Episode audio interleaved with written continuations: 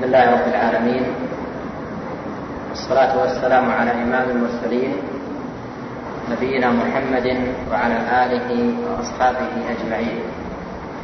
أما بعد فنواصل القراءة في كتاب العقيدة للإمام الحافظ عبد الغني المقدسي رحمه الله. وفي الدرس الماضي أخذنا مقدمة المؤلف التي فيها حمد الله عز وجل والثناء عليه بما هو أهله سبحانه وتعالى. وقد مر معنا في المقدمة أن الحمد أو الثناء الذي ذكره المؤلف على الله عز وجل يتناسب مع الموضوع أو الكتاب الذي أفرده رحمه الله.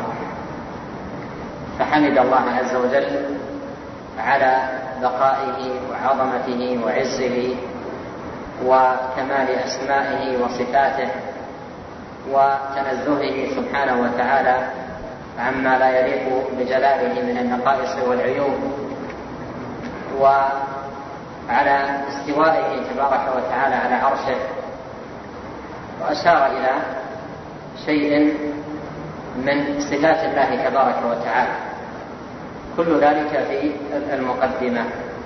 ثم بعد ذلك شرع رحمه الله في الكتاب. نعم. بسم الله الرحمن الرحيم. الحمد لله رب العالمين. والصلاة والسلام على أفضل الأنبياء والمرسلين وبعد. قال المصنف رحمه الله اعلم وفقنا الله وإياك لما يرضيه من القول والنية والعمل وأعاننا وإياك من الزيغ والزلل أن صالح السلف وخيار الخلف وسادة الأئمة وعلماء الأمة. اتفقت أقوالهم وتطابقت آراؤهم على الإيمان بالله عز وجل. وأنه أحد فرد صمد حي قيوم سميع بصير. لا شريك له ولا وزير ولا شبيه له ولا نظير ولا عدل ولا مثل ثم قال رحمه الله اعلم وفقنا الله وإياك لما يرضيه إلى آخر كلامه. قوله اعلم هذه الكلمة أمر فعل أمر من العلم. ويؤتى بها دائما في الأمور العظيمة المهمة التي ينبغي أن يعتني بها المخاطب. فهي في ففيها تحفيز للهمم وحظ للسامع. حظ له على الاهتمام بالأمر وحسن الاستماع إليه وإعطائه حقه من الرعاية والعناية والاهتمام. ولا يؤتى بها إلا في الأمور المهمة العظيمة. وفي القرآن الكريم آيات كثيرة فيها هذا الأمر اعلم أو اعلموا في أمور عظيمة. جلها يتعلق بتوحيد الله والإيمان به وبأسمائه وصفاته سبحانه وتعالى. من ذلك قوله جل وعلا فاعلم أنه لا إله إلا الله. وقوله سبحانه اعلموا أن الله على كل شيء قدير. اعلموا أن الله غني حميد. قرابة الثلاثين آية فيها هذا الأمر. لو تتبعتم في القرآن الكريم قرابة الثلاثين آية. يأمر الله عز وجل بالعلم ثم يذكر بعض أسمائه وصفاته. يذكر بعض أسمائه وصفاته. إما علمه الشامل المحيط أو قدرته أو عظمته أو غناه أو كماله في صفاته إلى غير ذلك.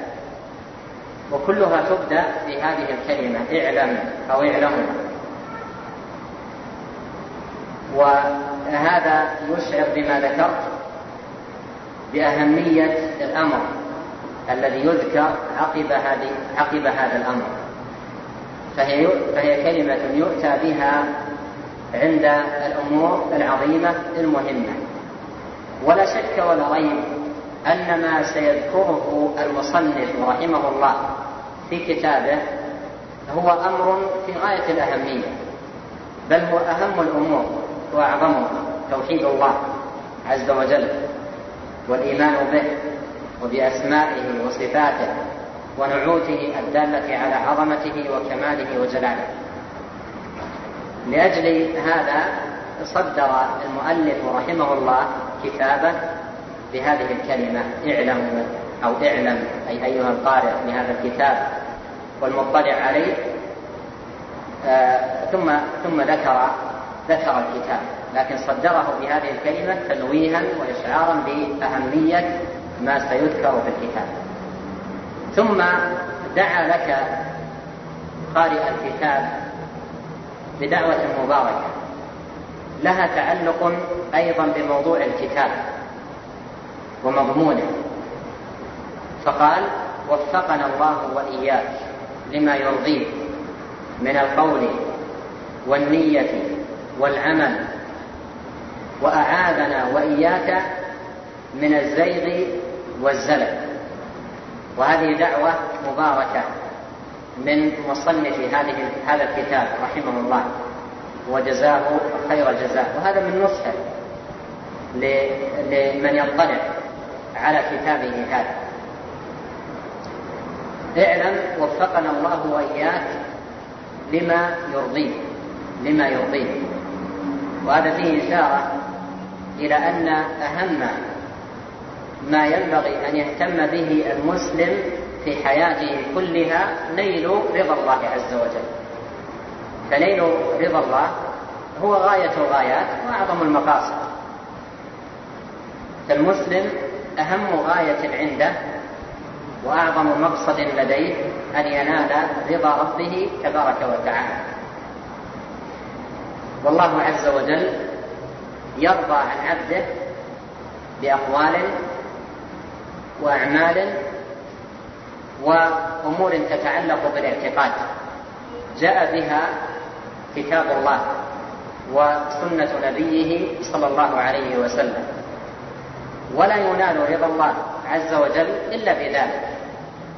لا ينال رضا الله إلا بذلك إلا بأمور منها ما هو متعلق باللسان ومنها ما هو متعلق بالقلب ومنها ما هو متعلق بالجوارح. فرضا الله جل وعلا لا ينال إلا بذلك. كما قال الحسن البصري رحمه الله ليس الإيمان بالتمني ولا بالتحلي ولكن الإيمان ما وقر في القلب وصدقته الأعمال. الله عز وجل يقول ليس بأمانيكم ولا أماني أهل الكتاب. من يعمل سوءا يجزى به. فرضا الله ينال بذلك. وولاية الله للعبد تنال بذلك. تنال بأقوال واعتقادات وأعمال. فلهذا دعا لك قارئ الكتاب بالتوفيق إلى هذه الأمور الثلاثة التي تنال بها رضا الله الأقوال والنيات والأعمال. ثم في دعوته هذه تنبيه على أمر في غاية الأهمية ألا وهو أن صلاح الإنسان في أقواله وأعماله وما يعتقده في قلبه إنما يكون بتوفيق الله إنما يكون بتوفيق الله سبحانه وتعالى. ولهذا حاجة العبد إلى إصلاح الله له هي أعظم الحاجات. حاجة العبد إلى توفيق الله له هي أعظم الحاجات وأعظم الأمور التي ينبغي أن يسعى العبد في طلبها ونيلها. وفقنا الله وإياك لما يرضيه من الأقوال ومن القول والعمل والنية. وإذا لم يوفق الله عبده لذلك ضل كما كان الصحابة يرتجزون لولا الله ما اهتدينا ولا صمنا ولا صلينا. وفي القرآن يقول الله عز وجل ولكن الله حبب إليكم الإيمان وزينه في قلوبكم وكره إليكم الكفر والفسوق والعصيان. أولئك هم الراشدون فضلا من الله ونعمة. قال تعالى يمنون عليك أن أسلموا. قل لا تمنوا علي إسلامكم. بل الله يمن عليكم أن هداكم للإيمان إن كنتم صادقين. والآيات في هذا المعنى كثيرة.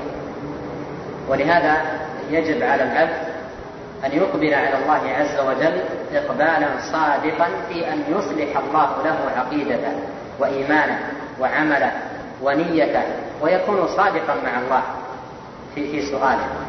ولو تأملت أدعية النبي عليه الصلاة والسلام لوجدت الشيء الكثير الذي يدور حول هذا المعنى. مثل قوله عليه الصلاة والسلام اللهم أصلح لي ديني الذي هو عصمة أمري وأصلح لي دنياي التي فيها معاش وأصلح لي آخرتي التي إليها معاد واجعل الحياة زيادة لي في كل خير والموت راحة لي من كل شر. والأدعية التي بهذا في هذا المعنى كثيرة قال لما يرضيه من الأقوال من القول والعمل والنية. ذكره لهذه الأمور الثلاثة القول والعمل. والنية فيه إشارة إلى أن الإيمان الذي ينال به رضا الله عز وجل مكون من هذه الأمور الثلاثة القول والنية والعمل. قال تعالى اليوم أكملت لكم دينكم وأتممت عليكم نعمتي ورضيت لكم الإسلام دينا. رضيت لكم الإسلام دينا. الدين الذي رضيه الله لنا سبحانه وتعالى مكون من هذه الأمور الثلاثة. ليس الإيمان اعتقاد فقط وليس الإيمان قول فقط وليس الإيمان عمل فقط بل الإيمان الذي ينال به رضا الله مكون من هذه الأمور الثلاثة القول والنية والعمل. القول والنية والعمل. قال صلى الله عليه وسلم الإيمان بضع وسبعون شعبة. أعلاها قول لا إله إلا الله وأدناها إماطة الأذى عن الطريق والحياء شعبة من شعب الإيمان. وهذا الموضوع لعله يأتي شيء من التفصيل له لاحقا. قوله رحمه الله والنية والنية. النية في إطلاقات أهل العلم لها استعمالان. الاستعمال الأول النية التي يميز بها بين العبادات بعضها من بعض. فمثلا صلاة الظهر وصلاة العصر. الأعمال والحركات والأقوال التي يؤتى بها في الصلاتين واحدة لكنهما يتميزان أو يحصل بينهما التميز بالنية. صيام الفرض وصيام النفل العمل المؤدى واحد لكن الذي يفصل أو يفرق بينهما أو يميز بينهما النية. فهذا استعمال. آه، النية التي آه، تميز بها العبادات. تميز بها العبادات. ومحلها القلب. محلها القلب. وهذا الاستعمال هو الذي يكثر عند الفقهاء في في كتب الفقه والأحكام عند إطلاق النية فإن المراد بذلك النية التي تميز بها آه، بين العبادات. فلما يتكلمون عن النية في الصلاة أو النية في الصيام أو النية في الحج أو نحو ذلك المراد بالنية هذا. الاستعمال الثاني للنية تمييز المقصود يعني الذي قصد بالعمل. تمييز المقصود أي من قصد بالعمل. فهنا أيضا يطلق عليه نية. ما, ما نية الإنسان في في عمله؟ هل نيته وجه الله والدار الآخرة؟ هل النية لله أو النية لغير الله؟ أو النية لله ولغيره؟ ولهذا هناك نية صالحة التي يقال عنها الإخلاص أو هي الإخلاص. وهناك نية فاسدة التي فيها تسوية لغير الله تبارك وتعالى به. والنية في هذا الإطلاق أو في هذا الاستعمال هي المقصودة هنا في كلام المؤلف رحمه الله لقوله من القول والنية والعمل. فمقصوده بالنية هنا أي في الإطلاق الثاني. الذي هو الإخلاص وصحة الاعتقاد وسلامة الإيمان وقصد الله تبارك وتعالى وحده بالعمل. فقوله والنية المراد بالنية هذا.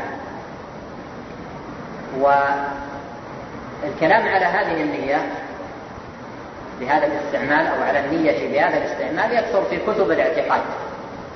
يكثر في كتب الاعتقاد وكتب التوحيد. كتب التوحيد مؤلفة لتصحيح النية نية العمل. وفي الحديث يقول صلى الله عليه وسلم إنما الأعمال بالنيات وإنما لكل امرئ ما نوى.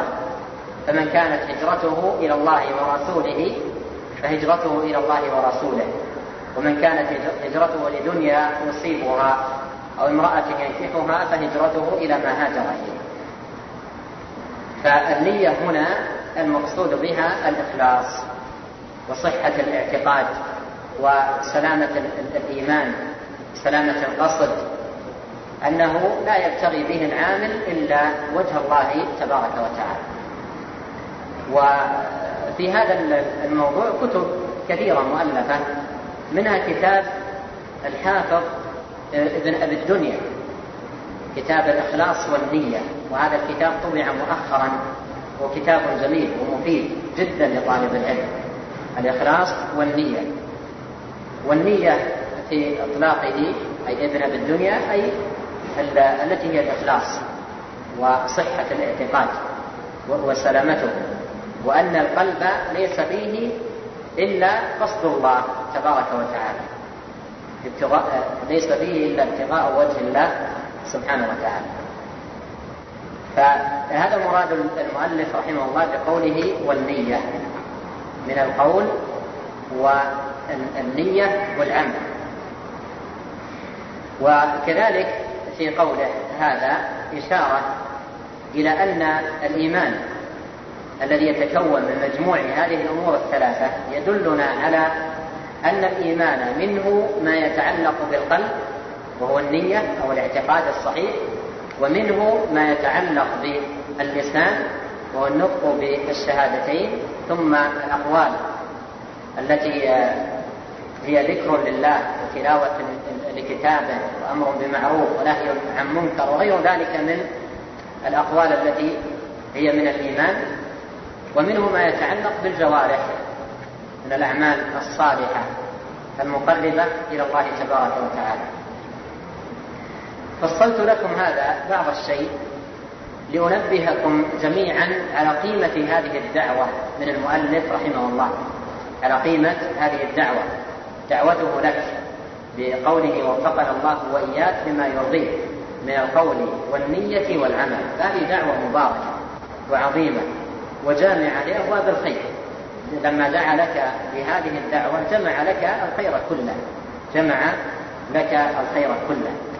ثم قال رحمه الله وأعاذنا وإياك من الزيغ والزلل. أعاذنا أي قال وأعاذنا وإياك. وأعاذنا وإياك من الزيغ والزلل. وأعاذنا وإياك من الزيغ والزلل. أعاذنا أي وقانا والعود التجاء إلى الله عز وجل واحتماء به واعتصام به سبحانه وتعالى وهو عبادة من أجل العبادات الاستعاذة وهي لا تكون إلا بالله لا يستعاذ إلا به وهو جل وعلا يستعاذ به من كل شيء.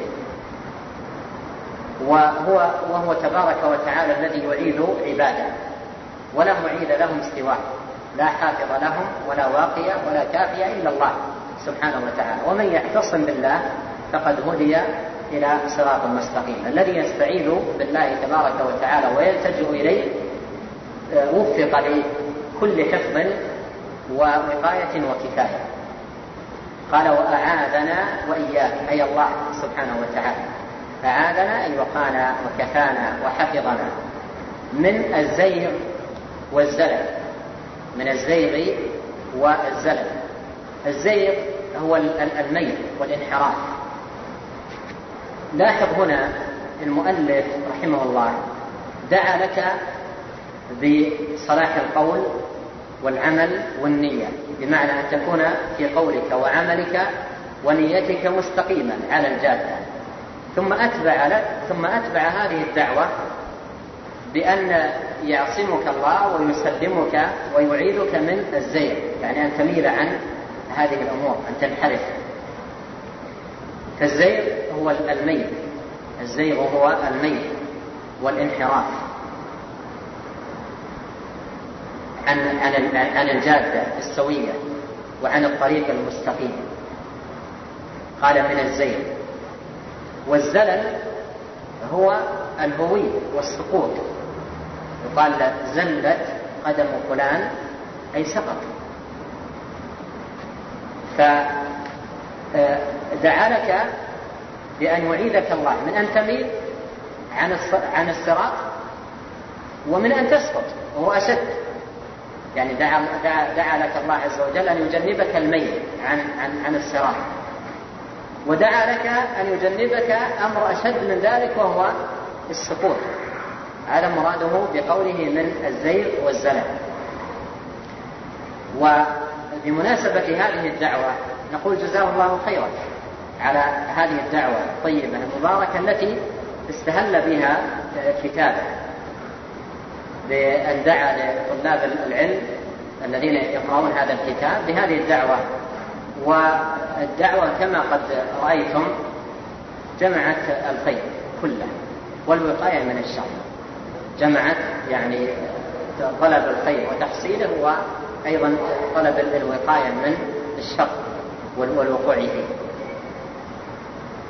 قال اعلم بعد الدعوة بعد هذه الدعوة أن صالح السلف وخيار الخلف وسادة الأئمة وعلماء الأمة اتفقت أقوالهم وتطابقت آراءهم على وذكر أمور هنا ينبه المصنف رحمه الله على أن أمور الاعتقاد مجمع عليه بين السلف وفيها اتفاق اتفاق في كلمته ولا خلاف بينهم في شيء منها نعم لهم مخالفون لهم مخالفون وعن طريقتهم منحرفون. يعني يوجد أناس مخالفون لهم ومنحرفون عن طريقتهم. أما السلف وخيار الخلف ليس بينهم خلاف في المعتقد. فالمعتقد واحد وأصول الإيمان واحدة. ولا خلاف بين صالح السلف وخيار الخلف في شيء من المعتقد. لكن هناك خلاف شاسع وبون واسع بين صالح السلف وماذا؟ وسيء الخلف. وسيء الخلف في خلاف. السيء من الخلف الذي انحرف عن الكتاب والسنة طريقة السلف رحمهم الله لا شك أنه عنده مخالفات ومفارقات للسلف في المعتقد. والمخالفون للسلف في المعتقد كثيرون. أما السلف وخيار الخلف فليس بينهم خلاف. فهنا كما ذكرت ينبه المصنف رحمه الله على أن كلمة السلف وخيار الخلف في المعتقد في المعتقد سواء ليس بينهم خلاف. ليس بينهم خلاف. قال أن صالح السلف أن صالح السلف أي السلف الصالح وهي صفة آه، الصلاح صفة للمعتصم بكتاب الله والمتمسك بسنة رسول الله صلى الله عليه وسلم والمقتفي لآثار الصحابة من كان هذا شأنه فهو الصالح. ومن كان بخلاف ذلك فهو الطالح صالح السلف. وخيار الخلف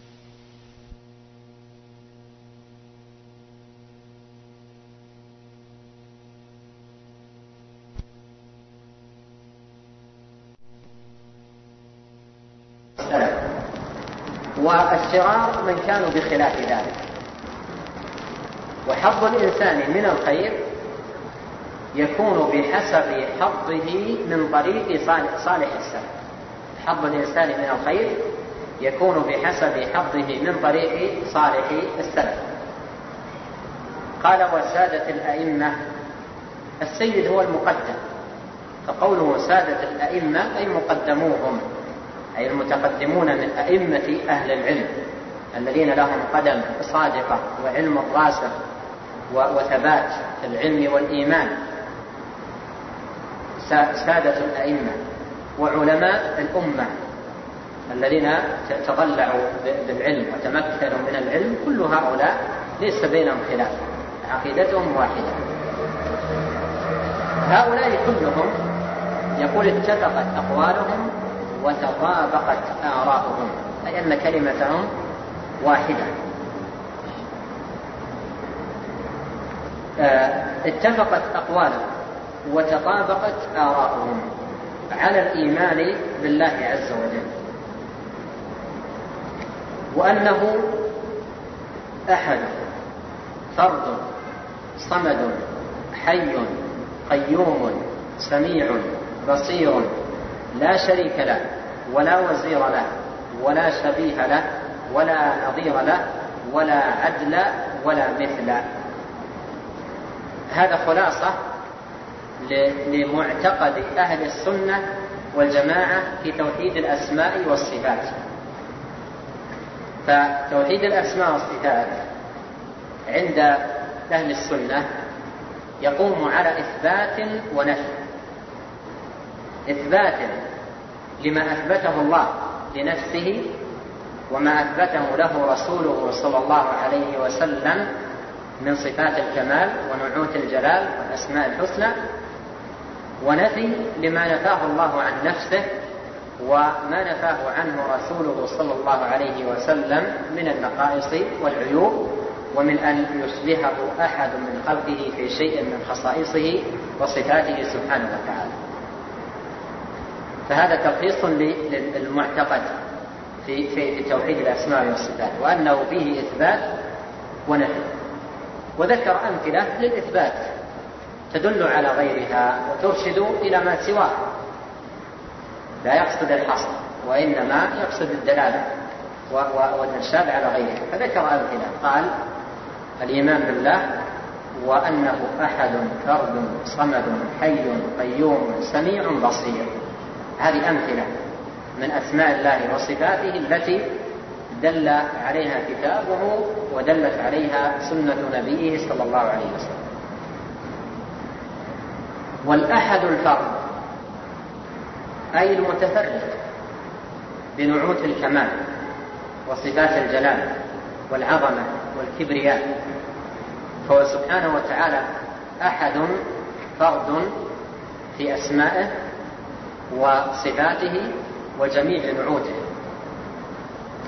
وأهل العلم يقولون إن الأحد الفرد يدلان على أمرين. الأمر الأول يدلان على نفي النظير والمثيل والمساوي والمشابه لله تبارك وتعالى. فالله أحد فالله أحد فرد أي لا مثيل له. لا مثيل له في شيء من أسمائه وصفاته ونعوته سبحانه وتعالى فهو أحد. ليس له مثيل. وتدل على أمر آخر أحدية الله وهو ثبوت صفات الكمال ونعوت الجلال له سبحانه وتعالى. فهو أحد أي متفرد بالصفات الكاملة والنعوت العظيمة والصفات الجليلة والأسماء الحسنى الكاملة. فهذان أمران يدل عليهما الأحد الفرد الواحد. الصمد أي الذي تصمد إليه الخلائق وتقصده في حاجاته كلها. فهو صمد أي الخلائق تصمد إليه وترجع إليه في في حاجات في حاجاتها كلها وفي مطالبها ومقاصدها ترجع إليه. ومن معاني الصمد أي الكامل. كما جاء عن ذلك جاء ذلك عن ابن عباس. الصمد السيد الكامل في صدده العظيم الكامل في عظمته السميع الكامل في سمعه وبصره الكامل في صفاته كلها. الصمد الذي له نعوت الكمال وصفات الجلال. سبحانه وتعالى. أحد صمد. حي قيوم. آه هذان الاسمان يرجع إليهما كما يقول أهل العلم أو ترجع إليهما جميع الصفات. فالحي ترجع إليه الصفات الذاتية مثل السمع والبصر واليد والقدم وغير ذلك. والقيوم ترجع إليه صفات الأفعال القائم بنفسه المقيم لغيره من خلقه. ومن الأقوال التي قيلت في الاسم الأعظم قيل إنه الحي القيوم. وقيل إنه اسمه الله. ومن أقوى ما قيل في الاسم الأعظم هذان القولان. إما أنه الله أو أنه الحي القيوم. هذا من أقوى الأقوال التي قيلت. والخلاف في في الاسم الأعظم يعني طويل عند أهل العلم والأقوال التي قيلت فيه كثيرة. لكن من أقوى ما قيل في ذلك أنه اسمه الله أو أنه اسمه الحي القيوم. ومن الأسباب فيما يتعلق بالحي القيوم أن جميع الصفات ترجع إلى هذين الاسمين. فالحي اليهما ترجع فالحي إليه ترجع الصفات الذاتية والقيوم ترجع إليه صفات الأفعال مثل الاستواء والغضب والرحمة والمجيء والنزول وغير ذلك. الحي حي قيوم سميع بصير أي متصف بالسمع. الله عز وجل متصف بالسمع يسمع جميع الأصوات على اختلاف الحاجات وعلى تفنن الحاجات واختلاف اللغات.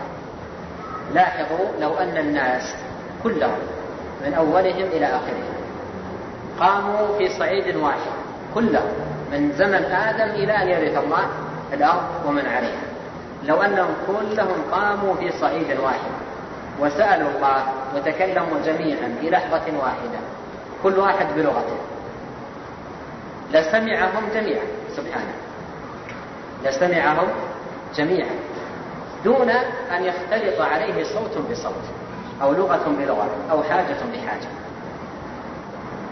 فمتصف بالسمع يسمع كل شيء سبحانه وتعالى. وفي الحديث يقول الله عز وجل في الحديث القدسي يقول الله يا عبادي لو أن أولكم وآخركم وإنسكم وجنكم قاموا في صعيد واحد. فسألوني ثم سألوني فأعطيت كل واحد منهم مسألته ما نقص ذلك من ملكي شيئا؟ لو قاموا في صعيد واحد لسمع الجميع مع أن اللغات مختلفة والحاجات متباينة والأصوات متغايرة لا سمع سبحانه وتعالى الجميع بينما الإنسان لو تكلم عنده اثنان بلغة واحدة اختلط عليه الكلام. لو تكلم عليه عنده إثنان. بلغة واحدة اختلط عليه الكلام وأسكت أحدهما ليسمع كلام الآخر. وفي القرآن يقول الله تعالى ما جعل الله لرجل من قلبين في جوفه. فسمع الله سمع الله عز وجل الله عز وجل يسمع.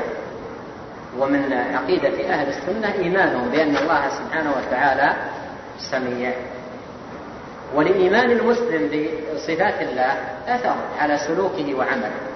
مرة أحد السلف رأى رجل مع امرأة في ريبة فاكتفى بقوله لهما إن الله يراكما سترنا الله وإياكم ذكرهما بهذه العقيدة التي تؤثر عليهما غاية التأثير إن كان لهما قلب في استقامة العمل قال سميع بصير. أي متصف بالبصر. يرى سبحانه وتعالى كل شيء. من فوق سبع سماوات. يرى كل شيء. وإن دق وصغر.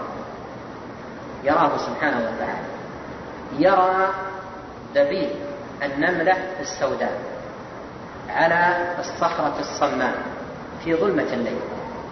لو كان ليل دامس. ونملة سوداء على صخرة صماء. ودنوت منها واقتربت وحلقت بعينيك ونظرت. هل تراها؟ ما تراها. بينما الله عز وجل يراها من فوق سبع سماوات. بل يرى جريان الدم في عروقها ويرى سبحانه وتعالى كل جزء من أجزائها فهو سبحانه وتعالى سميع بصير. فهو سبحانه سميع بصير. يسمع كل الأصوات ويرى جميع المرئيات. فهذه أمثلة للصفات الثبوتية. هذه أمثلة للصفات الثبوتية. الأحد الفرد الصمد الحي القيوم السميع البصير. وهي أمثلة كما ذكرت لكم مرشدة لغيرها ودالة على ما سواها. ثم بدأ بذكر ما يتعلق بصفات النفي.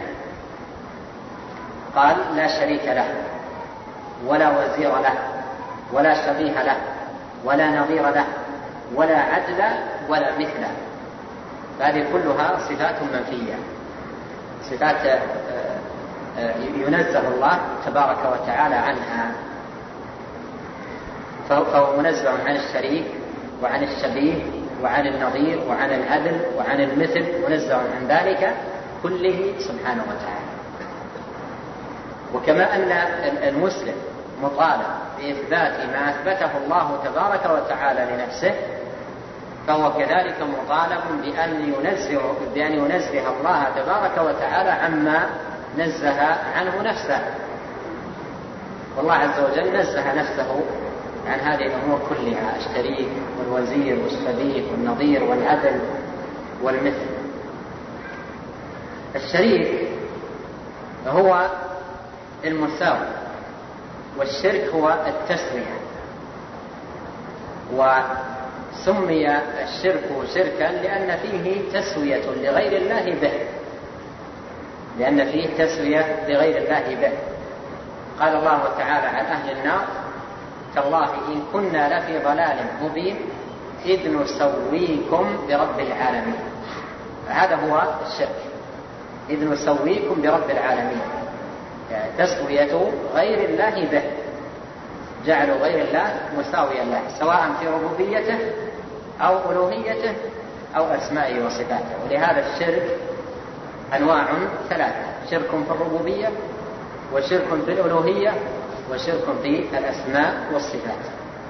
كما أن التوحيد ثلاثة أقسام فالشرك ثلاثة أقسام. كل نوع من أنواع التوحيد يقابله نوع من أنواع الشرك. لا شريك له ولا وزير.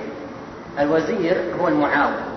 الوزير هو المعاون والمساعد.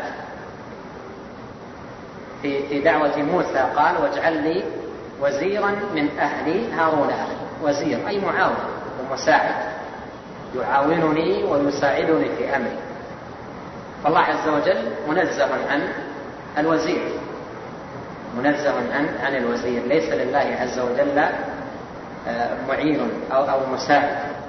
قال الله تبارك وتعالى قل ادعوا الذين زعمتم من دون الله لا يملكون مثقال ذرة في السماوات ولا في الأرض وما لهم فيهما من شرك وما له منهم من ظهير. أي معين ووزير ومساعد لا شريك له ولا وزير له ولا شبيه وفي أكثر النسخ ولا شبه له. في أكثر النسخ ولا شبه له. وهما بمعنى واحد. والشبه أو الشبيه هو المماثل والنظير. الله عز وجل لا, لا, لا, لا شبيه له في شيء من خصائصه وصفاته سبحانه وتعالى. ولا نظير له النظير هو أيضا المماثل. النظير هو المماثل. فالله عز وجل ليس له نظير أي ليس له مماثل أو مساوي في شيء من صفاته سبحانه وتعالى. ولا عدل ولا عدل كلاهما صحيح ولا عدل بفتح العين ولا عدل بكسر العين. يقول ابن الأعرابي وهو من أئمة اللغة العدل عدل الشيء وعدله سواء أي مثله هكذا يقول. فالعدل بفتح العين والعدل بكسرها هما سواء في المعنى أي المساوي والمماثل مثل الشيء. يقال عدله ويقال عدله. فالله عز وجل لا عدل له ولا عدل له أي لا مثل له تبارك وتعالى.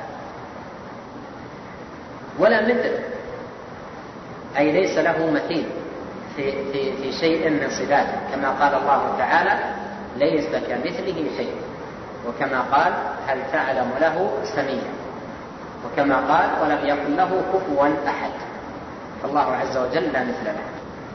هذه الأمور التي نفاها لا شريك له ولا وزير له ولا شبيه له ولا نظير له ولا عدل ولا مثل. كثير منها متقاربة في المعنى. كثير منها متقاربة في المعنى والدلالة. وبعضها يدل على بعض. لكن المؤلف أتى بهذه الألفاظ المتقاربة في النفي ليؤكد على أهمية تنزيه الله تبارك وتعالى عن ذلك. على أهمية تنزيه الله تبارك وتعالى عن ذلك. تنزيه تنزيهه عن العدل عن العدل وعن المثل وعن الشبه وعن المثيل وعن النظير وعن الوزير. ليؤكد على أهمية تنزيه الله تبارك وتعالى عن هذه الأمور. وأنه عز وجل موصوف بصفاته القديمة التي نطق بها كتابه العزيز الذي لا يأتيه الباطل من بين يديه ولا من خلفه تنزيل من حكيم حميد. وصح بها النقل عن نبيه وخيرته من خلقه محمد سيد البشر الذي بلغ رسالة ربه ونصح لأمته وجاهد في الله حق جهاده وأقام الملة وأوضح المحجة وأكمل الدين وقمع الكافرين ولم يدع لملحد مجالا ولا لغافل مقالا. ثم قال رحمه الله وأنه عز وجل. آه وأنه يعني من الأمور التي تطابقت عليها كلمة السلف اتفق فيها قولهم أنه عز وجل موصوف بصفاته القديمة. موصوف بصفاته القديمة. صفات الله عز وجل القديمة أي التي هو تبارك وتعالى موصوف فيها في الأزل. الله عز وجل الأول الذي ليس قبله شيء بصفاته تبارك وتعالى فصفاته سبحانه وتعالى أزلية على معنى قوله قديمة ومن ذلك قول النبي عليه الصلاة والسلام في دعائه عند دخول المسجد أعوذ بالله العظيم وبوجهه الكريم وبسلطانه القديم من الشيطان الرجيم رواه أبو داود. فهذا فيه وصف سلطان الله وهو وصف له السلطان صفة لله تبارك وتعالى لأن السلطان مصدر والمصدر إذا أضيف إلى الله عز وجل قد يقصد به الصفة وقد يقصد به أثر الصفة. وهنا السلطان الموصوف بالقدم ليس أثر الصفة وإنما الصفة صفة الله سبحانه وتعالى. فسلطانه القديم فسلطانه موصوف بالقدم. والمراد بالقدم هنا الأولية التي ليس قبلها شيء. الأولية التي ليس قبلها شيء كما قال الله عز وجل هو الأول وفي تفسير النبي صلى الله عليه وسلم له الذي جاء في دعائه قال اللهم أنت الأول الذي ليس قبلك شيء. فهذا مراد المصنف رحمه الله بقوله بصفاته القديمة التي نطق بها كتابه العزيز الذي لا يأتيه الباطل من بين يديه ولا من خلفه تنزيل من حكيم حميد وصح بها النقل عن نبيه وخيرته من خلقه محمد سيد البشر صلى الله عليه وسلم. هنا يتكلم المصنف رحمه الله عن مصدر الاستدلال لهذه العقيده وهذا الأمر في غاية الأهمية ولو طالعت عامة كتب السلف المؤلفة في الاعتقاد سواء منها المطول أو المختصر.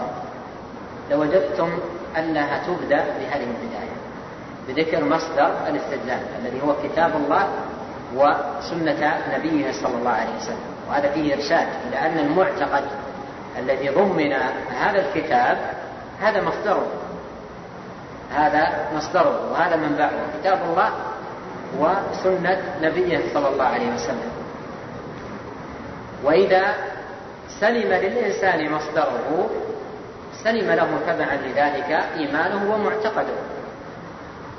فالذي يكون مصدره في الاعتقاد الكتاب والسنة يسلم له اعتقاده. والذي يكون مصدره في الاعتقاد غير الكتاب والسنة يضل وينحرف. يقول ابن القيم رحمه الله كثيرا ما كان يقول شيخ الإسلام ابن تيمية رحمه الله من فارق الدليل ضل السبيل ولا دليل إلا بما جاء به الرسول صلى الله عليه وسلم. هذه الكلمة كانت كثيرا ما يقولها ابن تيمية رحمه الله. من فارق الدليل ضل السبيل ولا دليل إلا بما جاء به الرسول صلى الله عليه وسلم.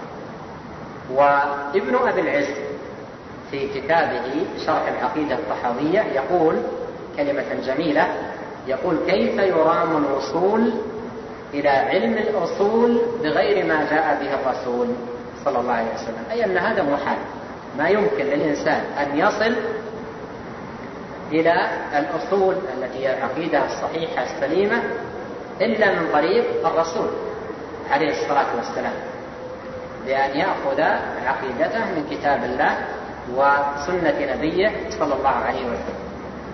ولهذا السلف رحمهم الله, رحمهم الله عندما يؤلفون في المعتقد يصدرونه بهذا. يصدرونه بهذا. تنبيها للمسلم ولطالب العلم إلى أهمية إقامة المعتقد على هذا المصدر ليسلم له معتقده. فليس المعتقد للرجال ولا لآراء الرجال ولا لأقوال الرجال ولا لأذواقهم ومواجيدهم وأهوائهم وإنما المعتقد يؤخذ من الله عز وجل. ومرت معنا كلمة في درس الوالد حفظه الله جميلة جدا. قال العقيدة جاءت من السماء ولم تخرج من الأرض. العقيدة جاءت من السماء وحي من الله ليس هناك مجال ل يعني أن يخترع إنسان أو ينشئ أو يبدع أو يتصور أو يتكلف أو نحو ذلك. العقيدة من الله. مر معنا بالأمس كلمة شيخ الإسلام رحمه الله. يقول ليس الاعتقاد لي ولا لمن هو أكبر مني. الاعتقاد لله وللرسول. والرسول عليه الصلاة والسلام مهمته في الاعتقاد البلاغ. مهمته البلاغ إن عليك إلا البلاغ. فهو مبلغ عن الله تبارك وتعالى. وهذه مهمة الرسول. الرسول مهمته إبلاغ كلام مرسله. هذه مهمة الرسول. فهو رسول. صلوات الله وسلامه عليه يبلغ عن الله تبارك وتعالى وحده. فبدأ المؤلف رحمه الله هذه العقيدة بهذه البداية المهمة لينبه طالب العلم إلى أهمية إصلاح المصدر. إصلاح المصدر وتصحيح مصدر التلقي بأن يقيم دينه على الكتاب والسنة. يقول الأوزاعي رحمه الله انظروا تركيز السلف رحمهم الله على إقامة المصدر وإصلاح يقول ندور مع السنة حيث دارت. ندور مع السنة حيث دارت. أي نفيا وإثباتا. ما ثبت في الكتاب والسنة أثبتنا وما نفي في الكتاب والسنة نفينا. ويقول الإمام أحمد رحمه الله نصف الله بما وصف به نفسه وبما وصفه به رسوله صلى الله عليه وسلم لا نتجاوز القرآن والحديث. وأقوالهم في هذا المعنى كثيرة جدا. فالسلف هذه طريقتهم. يبنون المعتقد ويؤسسون الديانة على كتاب الله وسنة نبيه صلى الله عليه وسلم. أعيد مرة ثانية أمرا ألفت الانتباه إليه. لو تصفحت كثير من كتب العقيدة المطولة والمختصرة للسلف تجدها فيها في بدايتها إشارة إلى هذا الأمر. الاعتصام بكتاب الله وسنة نبيه صلى الله عليه وسلم. أمس ذكرت لكم منظومة في العقيدة جميلة لابن أبي داود. أول ما جاء فيها قال تمسك بحبل الله. واتبع الهدى ولا تك بدعيا لعلك تفلح. ودن بكتاب الله والسنن التي أتت عن رسول الله تنجو وترضى. هذا هذه بداية لتصحيح ماذا؟ مصدر الاستدلال. بعد ما يصحح مصدر الاستدلال يعطى أمثلة من أمور الاعتقاد التي جاءت في الكتاب والسنة. فإذا كان الإنسان عنده مصدر استدلال سليم وأعطي أمثلة عليه يمشي مطمئنا يمشي سويا على صراط مستقيم. بينما الذي متأرجح في مصادر الاستدلال تارة العقل وتارة الوجه وتارة المنطق وتارة الرأي وتارة الهوى من أين له أن يستقيم له اعتقاد أو يصح له إيمان أو يسلم له قريب؟ ما يمكن. ما يمكن أبدا. ولهذا من أهم ما ينبغي أن يعتني به المسلم وطالب العلم في في, في الإيمان والاعتقاد أن يصحح المصدر الذي يقيم عليه دينه واعتقاده. لأجل هذا قال المصنف التي نطق بها كتابه لاحظ آه، مقارنة بين هذه الطريقة وطريقة المتكلمين. صفاته عند المتكلمين في الإثبات صفاته التي ماذا؟ اقرأ بعض كتب كتب هؤلاء. صفاته التي دل عليها ماذا؟ العقل. الآن الصفات السبع التي يثبتها الأشاعرة يثبتونها لماذا؟ لأنها دل عليها العقل. الصفات الأخرى اللي في القرآن يقولون ما دل عليها العقل ما نثبتها. نثبت هذه السبع الصفات لأن العقل دل عليها. إذا المفهوم أو, أو, أو المصدر في التلقي عندهم هنا يقول أهل السنة التي نطق بها الكتاب بينما الأشعري والمتكلم عموما يقول التي نطق بها إيش؟ عقلي. التي نطق بها عقلي وتوصل إليها فكري. توصل إليها فكري. أما ما سوى ذلك؟ لا. لا, لا نثبته. فشتان بين الطريقتين. فرق بين المسلكين السلف يقول التي نطق بها الكتاب ونطق بها السنة أولئك يقولون التي نطق بها عقل الإنسان وتوصل إليها فكره وتصوره. التي نطق بها كتابه العزيز. الذي لا يأتيه الباطل من بين يديه ولا من خلفه تنزيل من حكيم حميد. المصنف رحمه الله لما ذكر هذه الصفة لهذا المصدر الذي هو الكتاب العزيز أراد أن ينبه طالب العلم إلى أن آه، أنك عليك أن تأخذ الكتاب عليك أن تأخذ العقيدة. من الكتاب العزيز وأنت إيش؟ مطمئن. وأنت مطمئن. لماذا؟ لأن هذا الذي تأخذ منه العقيدة لا يأتيه الباطل من بين يديه ولا من خلفه. تنزيل من حكيم حميد. خذ وأنت مطمئن. لو كان هذا كلام الناس تأخذ وأنت إيش؟ خائف. ربما يكون خطأ أو يكون غير صواب أو يكون فيه انحراف بينما الكتاب العزيز خذ وأنت مطمئن. كل ما فيه حق. ومن أصدق من الله قيلا ومن أحسن من الله حديثا. فقل صدق الله. فكلماته سبحانه وتعالى حق وصدق. ولا ولا يأتيه الباطل. لا يأتيه الباطل.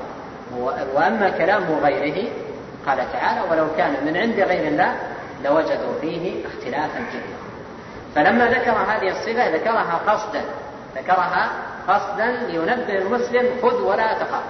الآن لما تأتي تقرأ في, في القرآن وتمر عليك صفات هل يجوز لك أن تقلق عند مثلا عندما يمر عليك الرحمن العرش استوى أو يمر عليك بل يداه مبسوطتان أو يمر عليك غضب الله عليه أو نحوها عندما تمر عليك هذه الصفات هل تقلق؟ هل تستوحش منها؟ أم أنك تأخذها بغاية الاطمئنان؟ تأخذها بغاية الاطمئنان لأنها تنزيل من حكيم حميد. المبتدئ طريقته مع التعامل مع هذه الصفات التي في القرآن طريقة أخرى. بل أعطى المبتدعة لطلابهم قواعد يحذرونهم من نصوص القرآن الكريم. يحذرونهم من نصوص القرآن الكريم. ويقرأ المبتدع القرآن الكريم وهو خائف أن تفسد عقيدته. لأن ظواهر القرآن عندهم فيها تشبيه. ظواهر القرآن عندهم فيها تشبيه وفيها تجسيم وفيها أمور لا تليق بالله. ولهذا يقولون لطلابهم اقرأوا القرآن مجرد قراءة. مجرد قراءة. إياك أن أن أن, تحاول أن تفهم شيء من من القرآن. ووضعوا قواعد كثيرة في هذا في هذا الصدد. وضعوا قواعد كثيرة في في هذا الصدد. ولهم كلام يعني في غاية السوء والخبث في هذا المجال. من ضمن القواعد التي وضعوها في هذا الباب يقولون القرآن لا يتدبره إلا مجتهد. هذه مقدمة. المقدمة الثانية لا يوجد في زماننا مجتهدين. ماذا ينتج عن هاتين المقدمتين؟ القرآن لا يتدبر إلا مجتهد والمقدمة الثانية لا يوجد في زماننا مجتهدين. النتيجة أن القرآن لا يؤخذ منه ولا يتدبر وإنما يقرأ قراءة وإنما يقرأ قراءة لمجرد التعبد. وعندما يمر الإنسان بنصوص فيها فيها الصفات وفيها إثبات ما أثبته الله تبارك وتعالى لنفسه يقرؤونها مجرد قراءة بدون أي فهم. فهم يستوحشون من كلام الله ومن المعتقد الذي ذكره الله سبحانه وتعالى في كتابه. وتعبد عباده بفهمه وتدبره يستوحشون منه غاية الاستيحاش وينفرون منه غاية النفور ولا يقبلون عليه. ولهذا المؤلف قال نطق بها كتاب العزيز الذي لا يأتيه الباطل. يعني خذ وأنت مطمئن خذ وأنت مطمئن غاية الاطمئنان لأن هذا الكتاب لا يأتيه الباطل. فكل ما ذكر فيه فهو حق. وتمت كلمة ربك صدقا وعدلا. يعني صدقا في الأخبار وعدلا في الأوامر والنواهي. لا يأتيه الباطل من بين يديه ولا من خلفه تنزيل من حكيم حميد. وصح بها النقل عن نبيه. قوله وصح تنبيه على العناية بالصحيح الثابت. وأن المسلم وطالب العلم ليس كل ما يقال فيه. قال رسول الله صلى الله عليه وسلم يأخذه بل لا بد أن يكون صح به السند إلى النبي عليه الصلاة والسلام. أما الأحاديث الضعيفة الأحاديث الواهية والموضوعة هذه لا يقام عليها عقيدة ولا يؤسس عليها إيمان. العقيدة والإيمان تؤسس تؤسس على العقيدة على الأحاديث الصحيحة الثابتة عن النبي عليه الصلاة والسلام. هذا معنى قوله وصح به بها النقل عن نبيه وخيرته من خلقه. في بعض النسخ من جميع خلقه. في بعض النسخ من جميع خلقه والمؤدى واحد وخيرته من خلقه محمد سيد البشر. الذي بلغ رسالة ربه. ونصح لأمته. وجاهد في الله حق جهاده وأقام الملة. وأوضح المحجة وأكمل الدين وقمع الكافرين ولم يدع لملحد مجالا ولا لقائل مقالا. آه تحت هذه الكلمة كلام قد يطول لكن المصنف رحمه الله ذكر هذه الصفات للنبي عليه الصلاة والسلام ليقبل المسلم وطالب العلم على الأحاديث التي صحت عنه بغاية الإطمئنان. لأنه رسول عليه الصلاة والسلام مبلغ عن الله بلغ البلاغ المبين ونصح لعباد الله وأرشدهم لدين الله وبين المحجة وأقام الملة ولم يدع لقائل مقالا ولا لمتكلم مجالا فإذا كان الأمر بهذه الدرجة وبهذه المكانة فلماذا يترك قوله ويصار إلى غيره في المعتقد؟ لماذا لا يسع الناس ما جاء عنه؟ صلوات الله وسلامه عليه. آه الذي بلغ رسالة ربه. بلغ عليه الصلاة والسلام رسالة الله وافية كاملة بلا نقص ولا زيادة ونصح لأمته. فكان صلوات الله وسلامه عليه في غاية النصح وهو أنصح للإنسان من نفسه. وهذا من المعاني التي قيلت في قوله تعالى النبي أولى بالمؤمنين من أنفسهم. أي أنه أنصح لك من نفسك. ينصح لنفسك أكثر من نصحك لنفسك. وأحرص على نفسك منك صلوات الله وسلامه عليه. فنصح لأمته. وجاهد في الله حق جهاده. وأقام الملة. أقام الملة والملة هي الدين دين الله عز وجل الإسلام. فأقامه عليه الصلاة والسلام بالبيان والإيضاح والدلالة والإرشاد. أقام الملة وأوضح المحجة والمحجة هي الطريق الطريق السوية المستقيمة. فالنبي عليه الصلاة والسلام أوضح المحجة. قال الله تعالى وإنك لتهدي إلى صراط مستقيم صراط الله الذي له ما في السماوات وما في الأرض ألا إلى الله تصير الأمور. وأكمل الدين أي أن الله عز وجل أكمل به الدين. فلم يبقى من الدين شيء إلا وبينه صلوات الله وسلامه عليه. ولم يمت صلى الله عليه وسلم حتى أنزل الله عز وجل في ذلك تنصيصا وتبيينا قوله اليوم أكملت لكم دينكم وأتممت عليكم نعمتي ورضيت لكم الإسلام دينا وقمع الكافرين. القمع هو الضرب على الرأس والدفع. فقمعهم أي دفعهم ورد باطلهم وأزهق شبهاتهم. صلوات الله وسلامه عليه. قمع الكافرين.